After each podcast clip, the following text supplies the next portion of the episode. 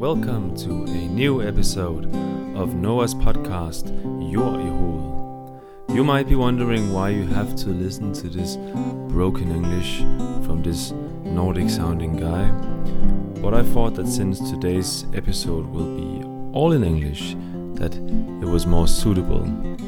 Because for today's episode, we were so lucky to have Professor Federico Demaria all the way from Barcelona with us through a Zoom call. Also, for today's episode, we were very lucky to have one of our favorite interns, Areti, with us, also for doing the interview. We talk about Federico Demaria's new book, The Case for Degrowth, which he wrote with several colleagues, and how they make this case and the major policies they suggest could help degrowth along the way. To give you an idea of the setting of the interview, we as mentioned, are doing it over Zoom. And Federico is sitting in his garden in Barcelona, and Areti and I are standing in the NOAH office. It was recorded during lockdown, and while that was a, a hard period, this uh, definitely brightened up our day. So, without further ado, here's the interview. Hi, Federico. I hope you're feeling good today. It's I'm fine. It's really sunny over here. It's actually a really nice day. Yeah. It, it happens also in Denmark sometimes. Yes, it does. Fortunately. Thanks a lot for for doing this and for for being here today. And uh, maybe if we then, uh, if if you can introduce yourself a little bit and and, and tell us a little about about your academic background and, uh, and your research background. So I'm Federico Demaria. Uh, I'm an assistant professor of ecological economics and political ecology at the University of Barcelona. Uh, I'm originally from uh, Italy, and politically, I come from the anti globalization movement of the end of the 90s. And then, starting the, the year 2000, I started to be concerned with, with the environment and climate change and so on. And um, and that is when I discovered degrowth and I became involved with the degrowth movement. First in Italy, then in France when I did my Erasmus, and then I came to Barcelona. Academically speaking, I'm, I'm trained as, a, as an economist, and then I came to Barcelona to study with Joan Martinez Alier, who's like a well-known uh, scholar in, in the field of ecological economics and political ecology. And I did my master's and my PhD and my postdoc here with him. And basically, uh, we could say I have two lines of research. One is uh, regarding environmental justice and environmental conflicts, and in particularly with informal recyclers in India and so on. And the other one is a little bit more linked with degrowth. And degrowth comes both from political ecology and from post-development. So I'm quite involved in these post-development debates, which is basically a cultural and ecological critique of development and then exploring like alternatives to development.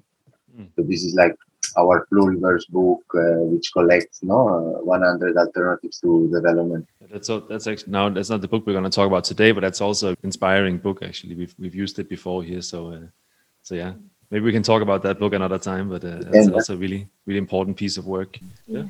Uh, and uh, regarding the case for degrowth, could you summarize a bit what the book is about?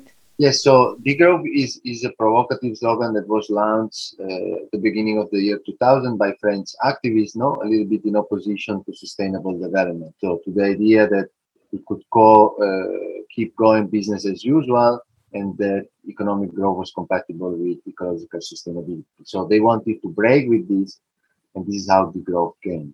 Then degrowth became also a frame, I think, for, for a new social movement and also a concept uh, debated in academia. In the last 20 years of debate on degrowth, at the beginning there was a lot on on um, the diagnosis. So, what are the social problems and who is responsible for them? And I think now we have entered in the last maybe five years into a new phase, which is focused more, I would say, on the prognosis. So, what can be done about those problems? how are we going to do it, who is going to do it, and for whom. And as an example, last year in 2020, we had this conference, degrowth conference in Vienna on strategies for transformation. So the case for degrowth is really a book focused on um, how the transition could take place. So it's not a book that discusses so much the why degrowth question. Why do we need degrowth? There's a first chapter about it, but but that's all of why economic growth is not part of the solution, but is part of the problem. But then the rest of the chapters really go on how grow, So how we understand degrowth, what strategies and policies we could uh, envision, and uh, the politics of degrowth. How do we make this uh, become uh, true? So this is really what the case for degrowth is all about. When I think of a case, I think sort of of a lawyer making a case for something. Um, that's sort of the classical example that I imagine when I hear the, the title.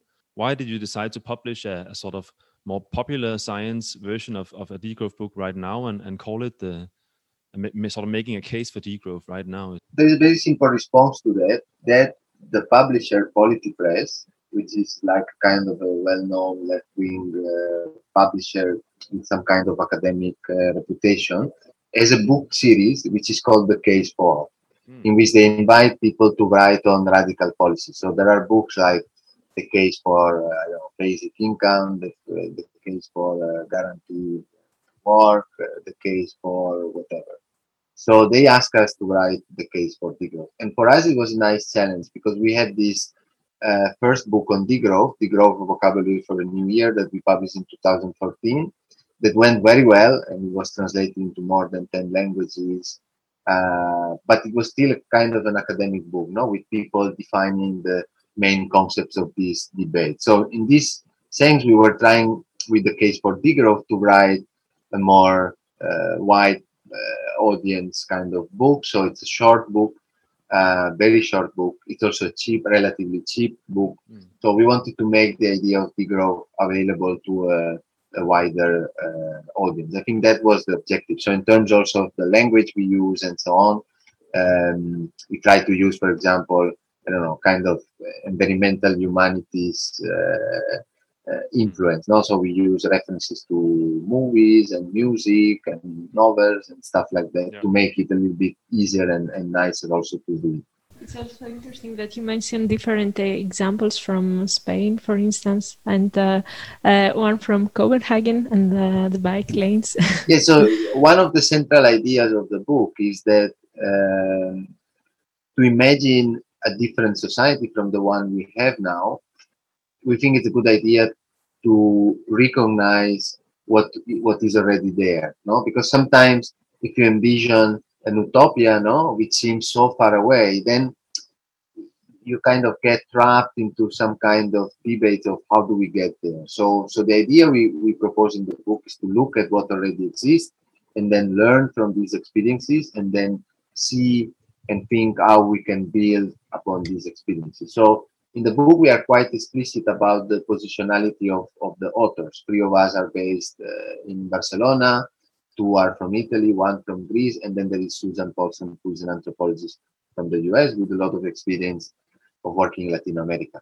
So we really build upon the example, especially of Barcelona, because we think it's, it's interesting and also because it gives us the chance to build on this idea that we propose of articulating the personal, the communal, and the institutional or political. So by this I mean that personal changes in your life are important, but are not enough. So you need to do something with other people. For example, at the community level, there are many ex experiences, contemporary and historical in Barcelona of uh, this. And then there is also this experience of um, the Party of the Commons, which is kind of a coalition of activists which rules uh, the city of Barcelona now already for the second time. So it, give, it gave us a, an opportunity to discuss how proposal by activists and social movement can actually become institutionalized. But then also see the limitation of this and then discuss how could we scale this up, no? for example, to the national level.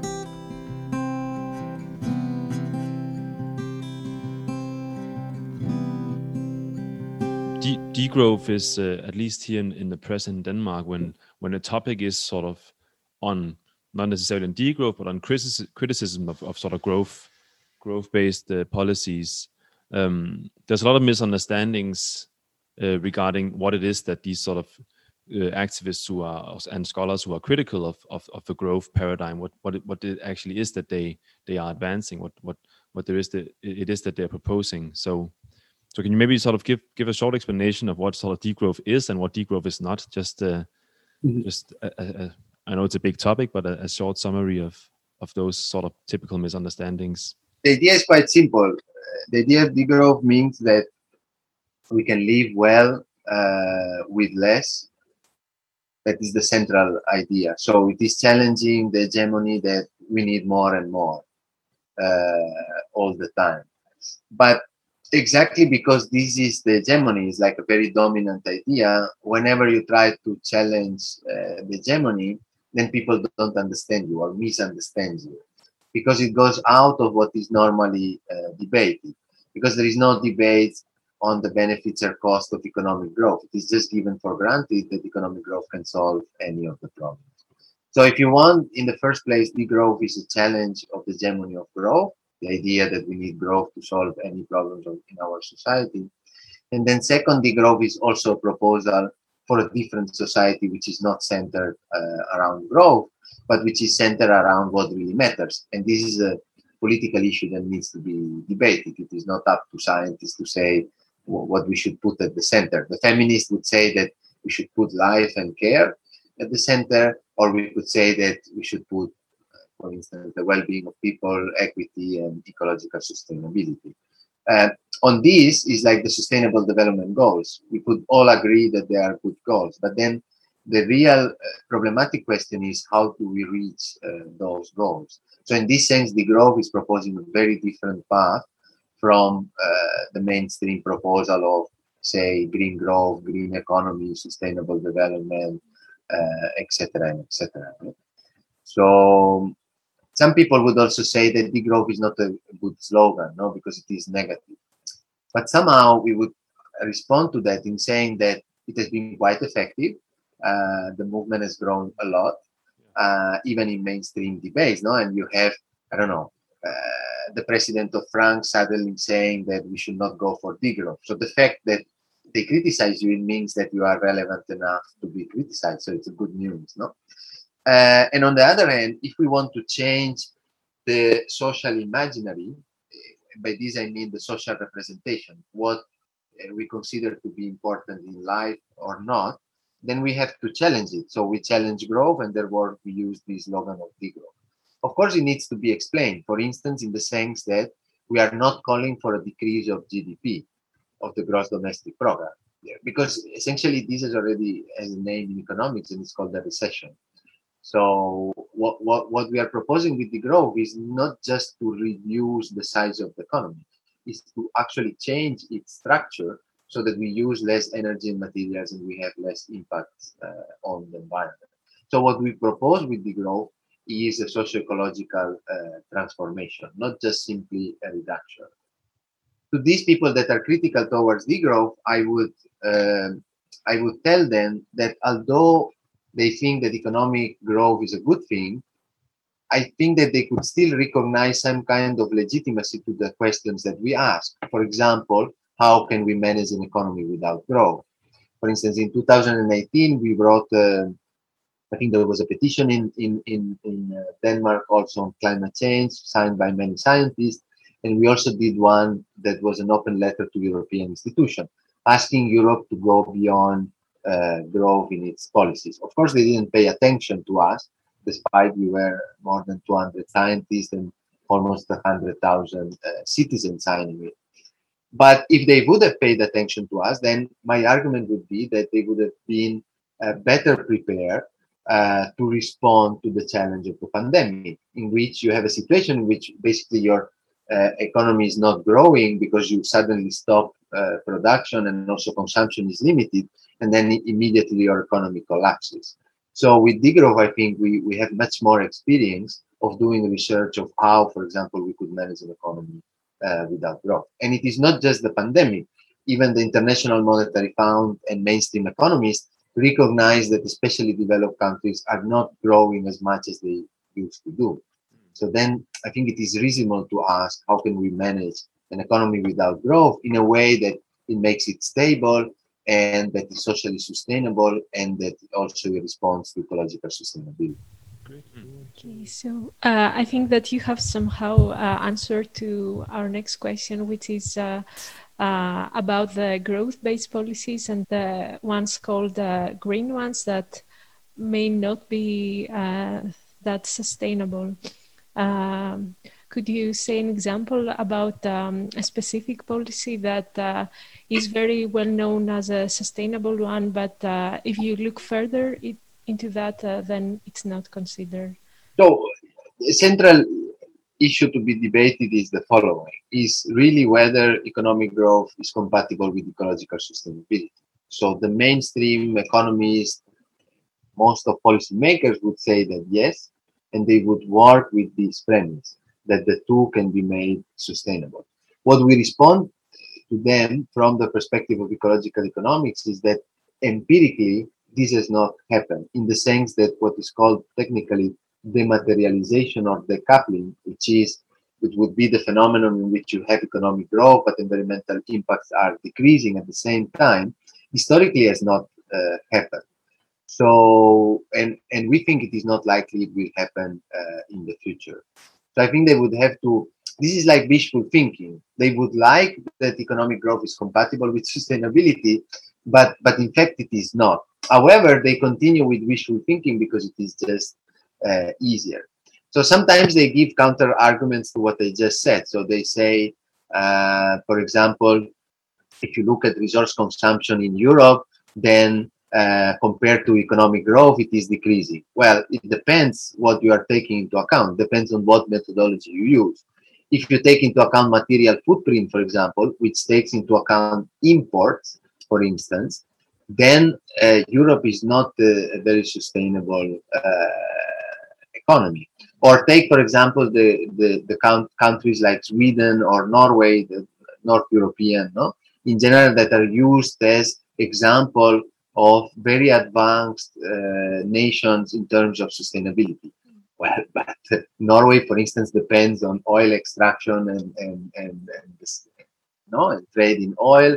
If you look at their levels of, of consumption, um, they're absolutely not sustainable if you take into account imports, because obviously Europe, what has done is to externalize the polluting industry elsewhere, like for example, steel production, not to China and so on and so forth.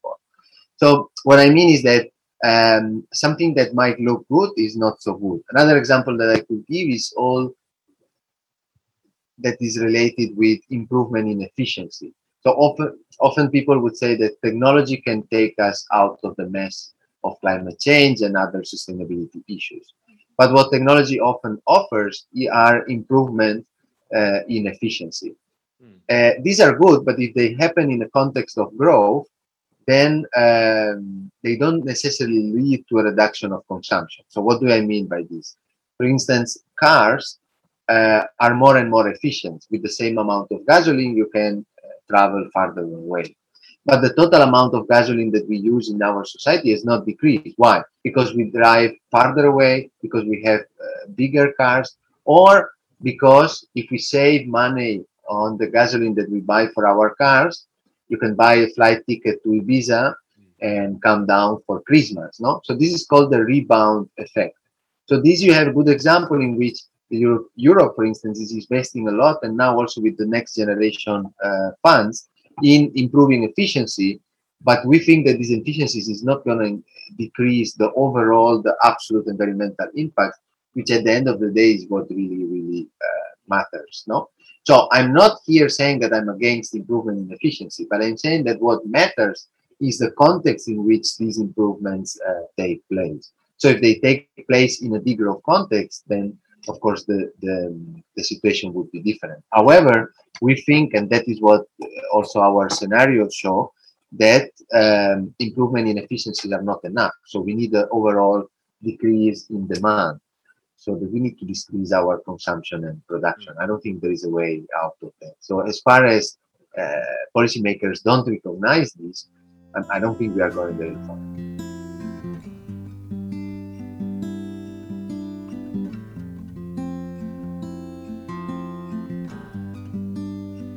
You make, I think, a very interesting sort of historical argument that exploitation and uh, and discrimination has sort of been sort of the backbone of growth in especially in the Western world, um, and and go uh, through these different ways that uh, that it has been sort of very how colonialism has supported growth in, in, in wealthier countries and how sort of sexism against and, and sort of an underappreciation of, of care work uh, has also contributed to um, to this growth paradigm and, and, and the real economic growth in, in the West. Yes. So developed countries have a kind of a syndrome of the self-made man, no? With the idea that it's like, you know, Berlusconi in Italy, no? Berlusconi is like, I'm rich because I'm smart, you know, because I'm clever. Because he knows how to cheat a lot and because he got money from the mafia and etc. etc. So developed countries a little bit the same story. They are not rich because they are more uh, industrious or because they are people in those countries are cleverer or, or whatever. I mean, there are many reasons of why they are. But this is certainly linked to um, the colonial history. So, for instance, let me give an example. No, uh, Barcelona is famous. The city where I live is famous all over the world for modernist uh, architecture. No, uh, Antoni Gaudí, uh, Sagrada Familia, and so on. This is great. I love it.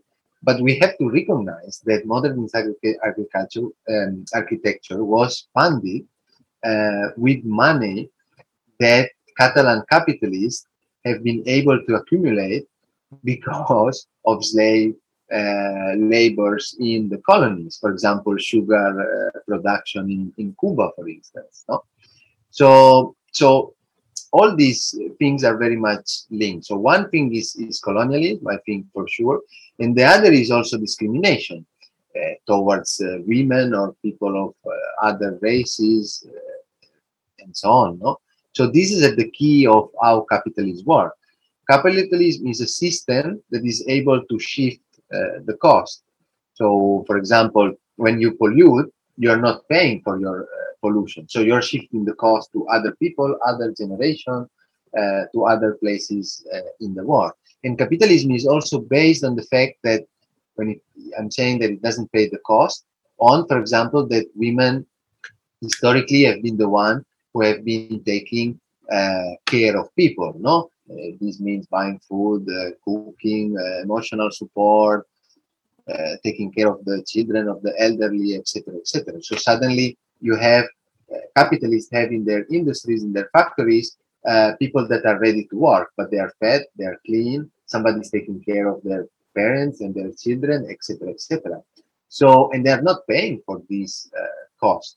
So somehow capitalism always externalizes uh, people in an attempt to get uh, cheap, what we say in the book, cheap nature and cheap uh, people. So this is what we are doing still today. No, we are buying products from China why? Well, because workers are not properly paid in China. So this is cheap labor, cheap uh, people. And also we are, uh, our economies are based on a lot of uh, resources that are extracted all over the world and uh, with a lot of environmental impacts. And this is cheap nature, no, if you want. So I don't think that capitalism would be able to work without doing this, without exploiting uh, people and nature. This is simply not possible because I think it is at the root um, of how this uh, system works. And I can also give example, you know, of, of uh, what are supposed to be very technologically advanced uh, corporation like Amazon. No, Amazon is well known not for paying uh, properly its workers. No, despite uh, the owner of Amazon being one of the richest uh, person in the world. No, so why does it not pay more its Amazon worker? Well, because that is the key of its business, exploiting people. so, so, so it's a very sad story. Um, so I don't buy the story that um, someone, a country, or a person is rich just, just because it is very innovative. It is because it has relied on other people in nature. This doesn't mean that you cannot be an entrepreneur. I'm not against entrepreneurs, but I'm in favor of different economies as the one we cover in the book like for instance social and solidarity economies, no? in which you have enterprises that uh, fulfill a set of uh, criteria or requirements in terms of social environmental or gender uh, aspects. No? They pay the full the full cost of what it actually costs to produce economic value and and to so yes there is a i mean we could go in very theoretical debates no in, in, in economics of, of what full cost is and, and not no?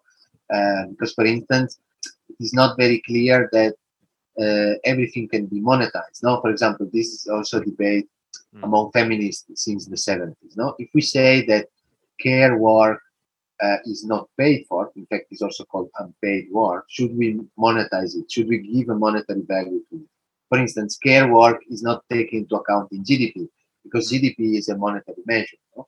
So if you give a monetary value, say you pay uh, 500 euro or 1000 euro to women for the care work they do, um, then you're giving a monetary value and can be taken into account into GDP.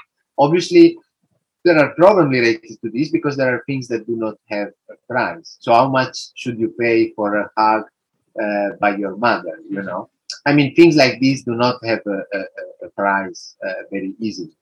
So, but however, we could say that yes, enterprises like the one in the social and solidarity economies are trying at least avoid as much as possible exploitation of people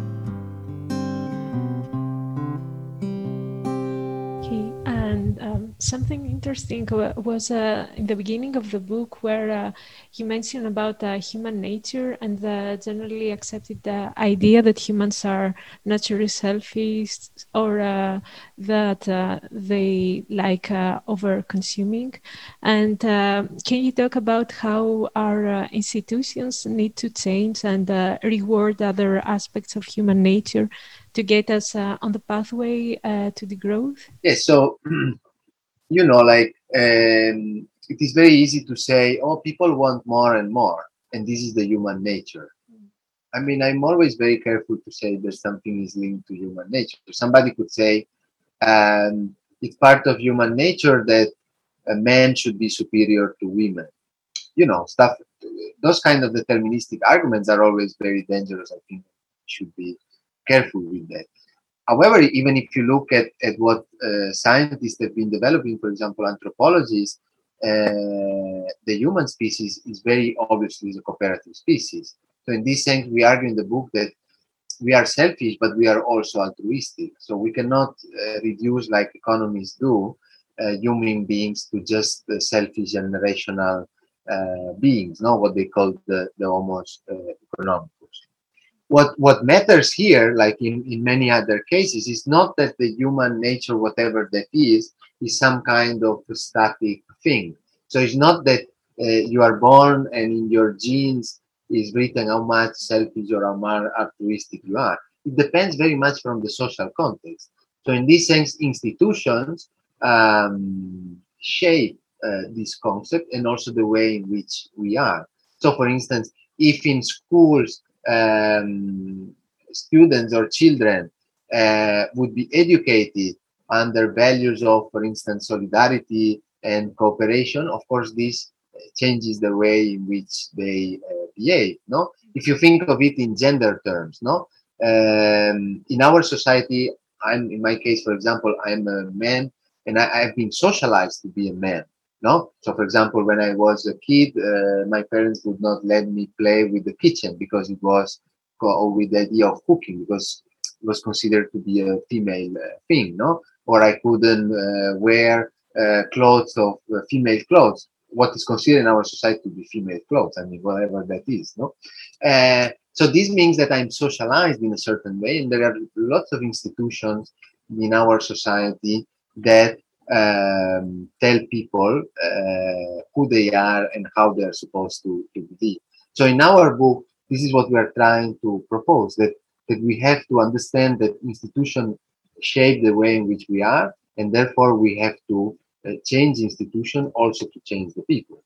This, uh, of course, is not uh, only in one direction. So you need to people need to change themselves to change the institution and we need the institution to change to change the people you know what i mean so so but but but we need to recognize the, the importance of, of institutions in this sense so in the case of barcelona we put a lot of examples um, in which we are saying that uh, we are praising the commons no the idea that people can come together to manage resources or to do things together so suddenly if you have a government of the municipality that um, give support to these kind of activities, then of course it becomes easier for people to get involved in these activities. They get more resources, etc., etc.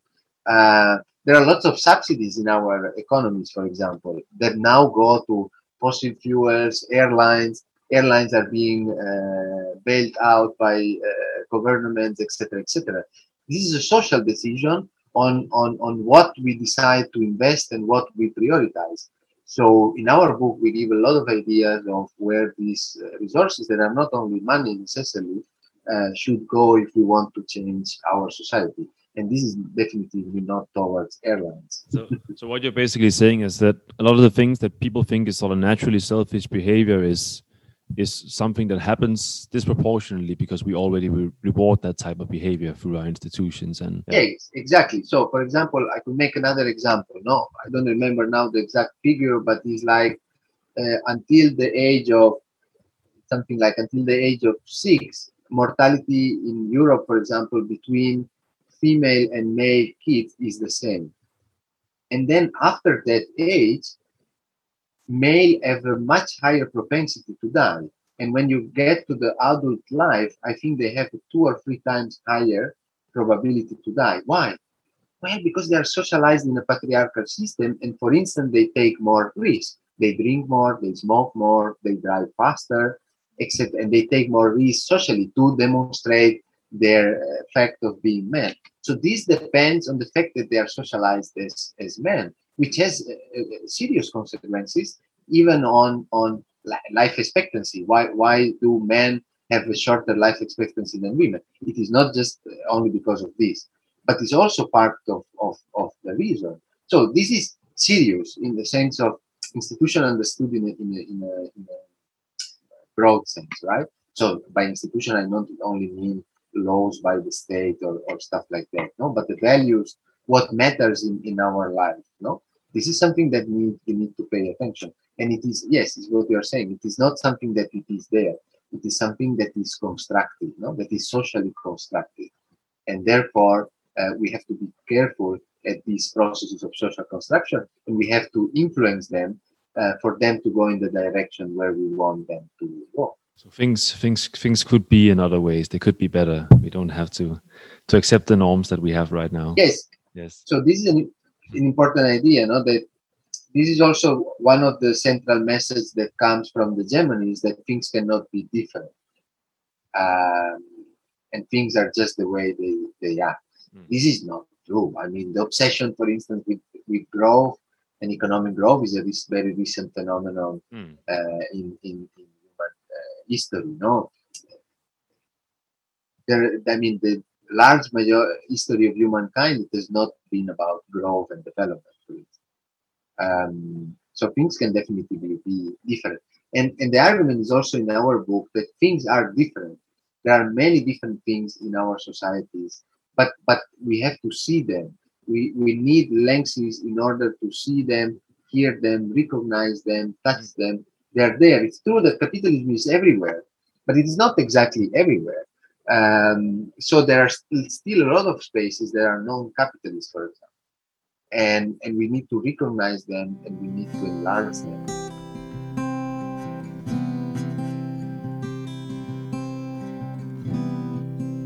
There are ideas out there where where the, the the notion of progress or development doesn't necessarily have that much to do with with the idea of economic growth or increase in consumption, but where where it's it's also rooted in a lot of other values that that people elsewhere see as as progress and as development. I mean, of course, that is also not totally foreign to to uh, to people here in Denmark and the Western world. But can you can you tell us a little bit something about these sort of non-growth based ideas of, of, of progress or of a good life that that exists um, uh, already and that the degrowth have also been inspired by? We could say that um, when when we talk and we think of degrowth, we are not proposing degrowth as the new economic policy or the new model for all over the world. This is not what we are proposing. We we want to understand that there is a diversity of context, social, economic, historical,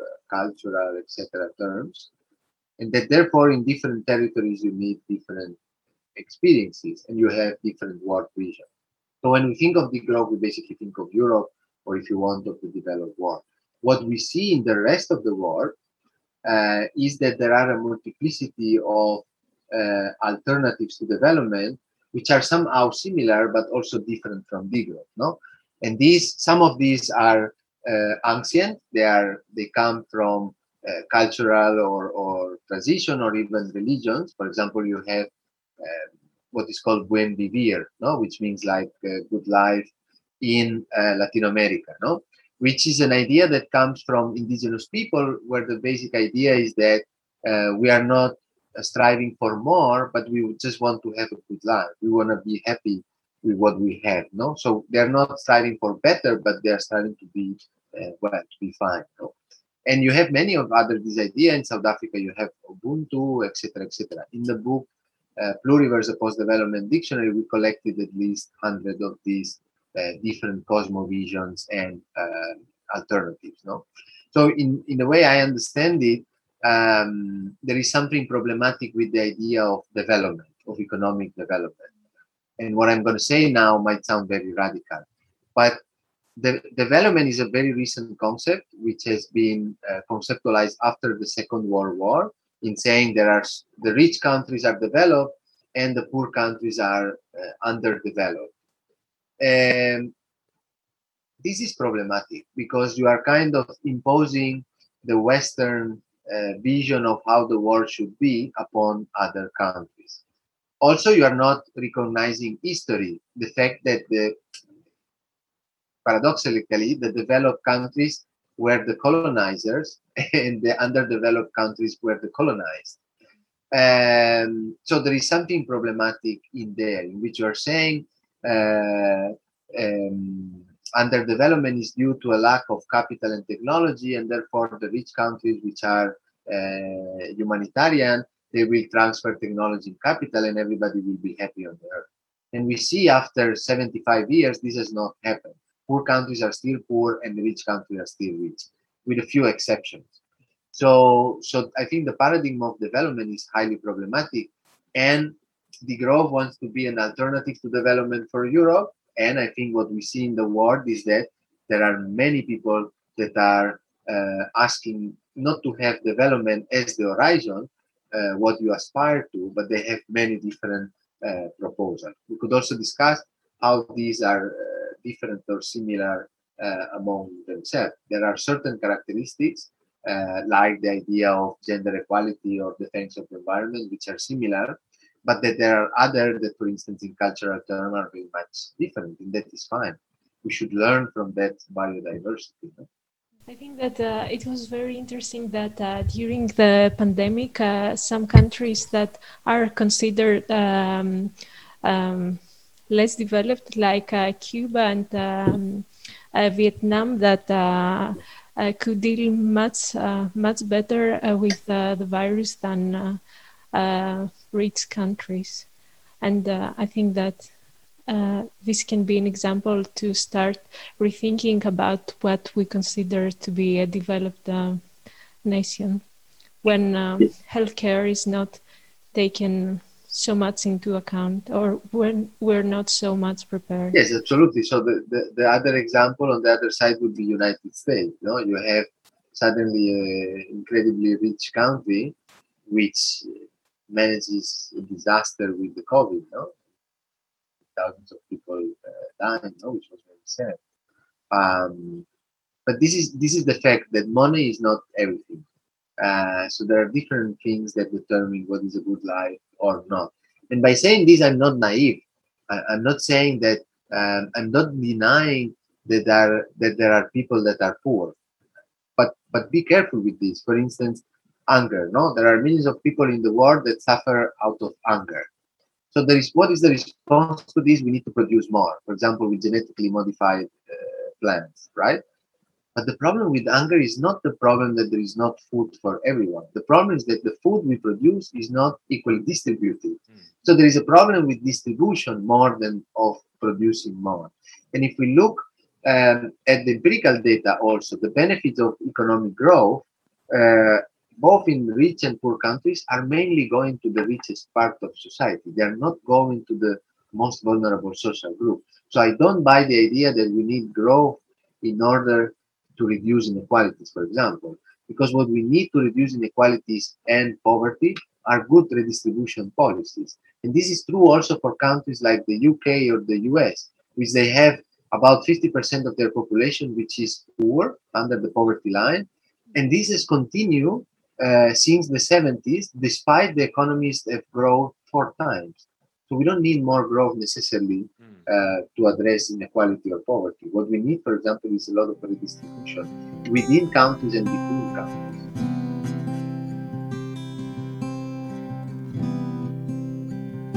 In the book, you you present these four path-breaking reforms: the, the Green New Deal, universal basic income, so re reclaiming and expanding the commons, and and reducing working hours. Um, of course, it's not as though you present these as sort of the finite. These are all the ideas we need, but it's it's sort of a, a good place uh, to start in, in in in your view. So so can you can you unfold some of these ideas for us and and and and also talk a little about how you imagine they should be financed? The first is a Green New Deal without growth. It's, this means a bold investment program anywhere 3% of GDP annually, no? To decarbonize energy and transport, reforest, and transform agriculture. 3% is what many nations spend right now for their armies.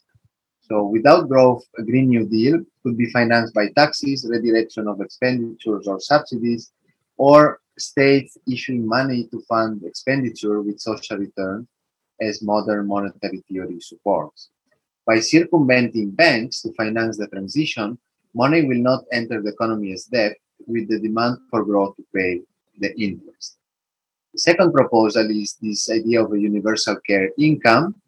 Uh, for instance, a basic income of about 20% of per capita income can be funded with an increased taxes of the top 15% of income, simulation from Catalonia show. And we call this, we propose to call this a universal care income to emphasize it is given in recognition of the unpaid care work of all of us and mostly women, without which economies could not exist.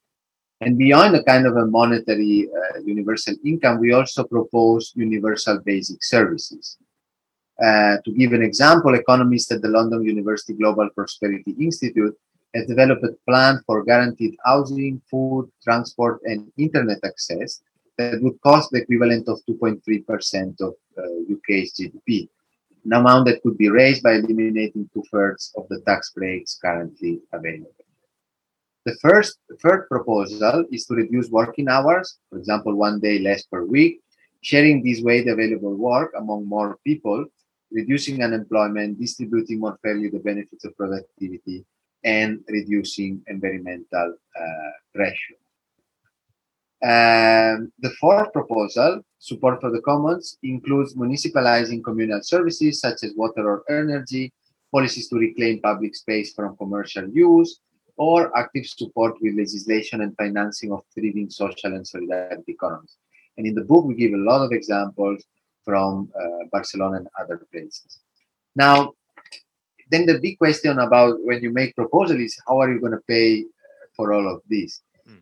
So the final proposal in our program is an overall of taxation and fiscal systems. And this means, for example, to tax carbon and resource use, not work, because we want to use less resources and we're going to generate more employment. Uh, we propose also to return revenue from a carbon tax as dividend to poor people to avoid, avoid that you have, um, you know, if you increase uh, taxes on resource use, you might have phenomenons like energy poverty, people, poor people that cannot pay for it.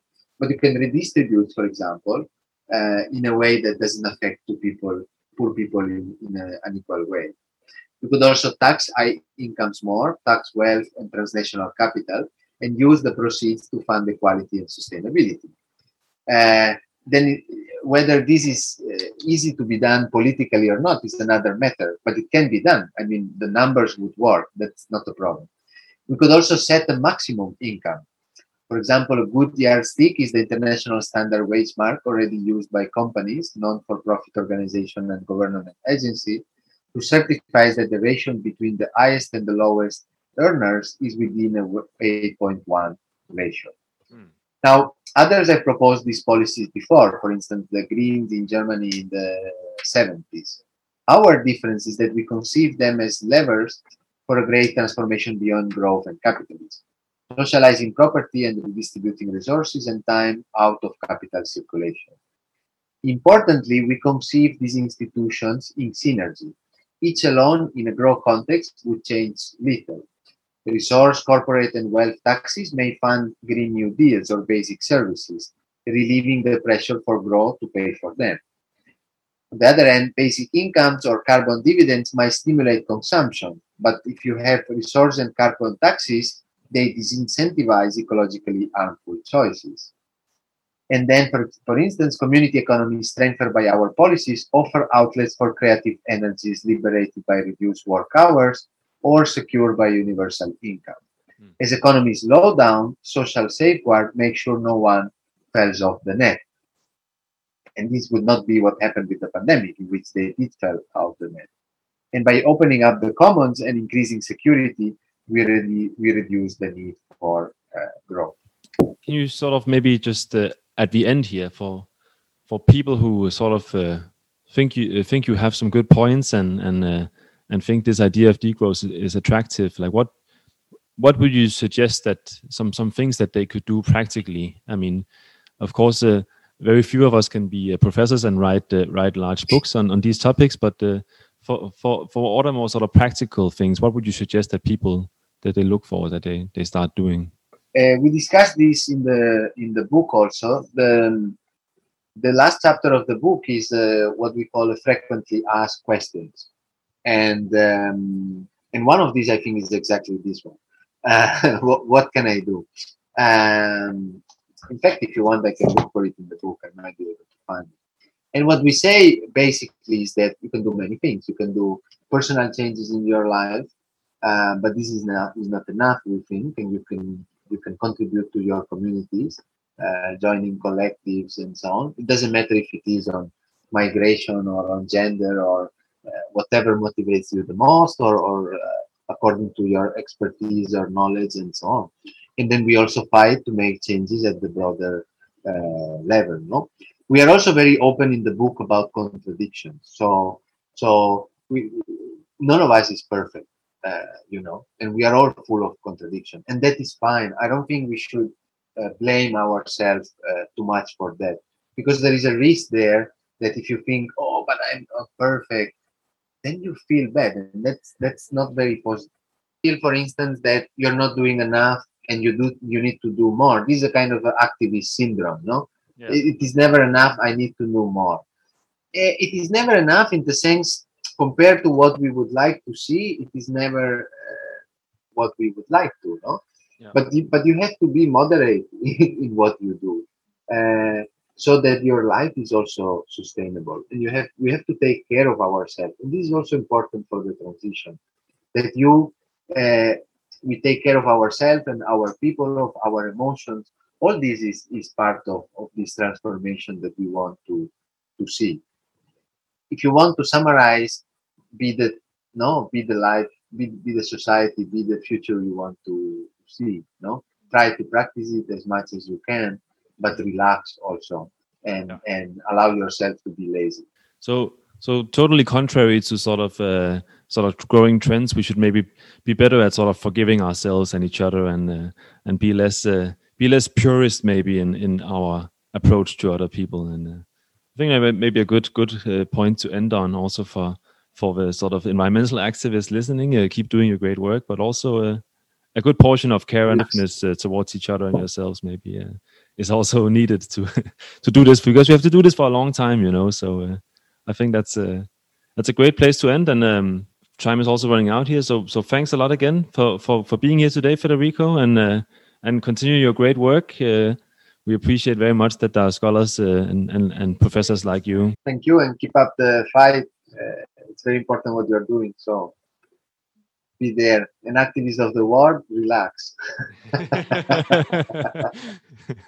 A good one. Take care, Federico. Cheers. Ciao.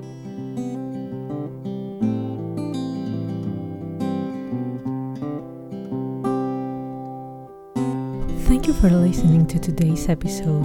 My name is Areti, and with Emil Briggs, we produced and edited today's episode. Emil has also written and recorded the music that we listen today. Once again, thanks to Federico Demaria for taking the time to talk to us and making today's episode possible.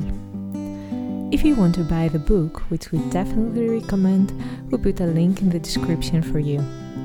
If you also feel like doing more and wish to contribute, you're welcome to contact either Degrowth Group or the group that makes this podcast, Noël Lulher. Once again, we put links in the description for you. We have more episodes on degrowth and other topics coming up soon, so feel free to subscribe to the podcast and see you for the next episode.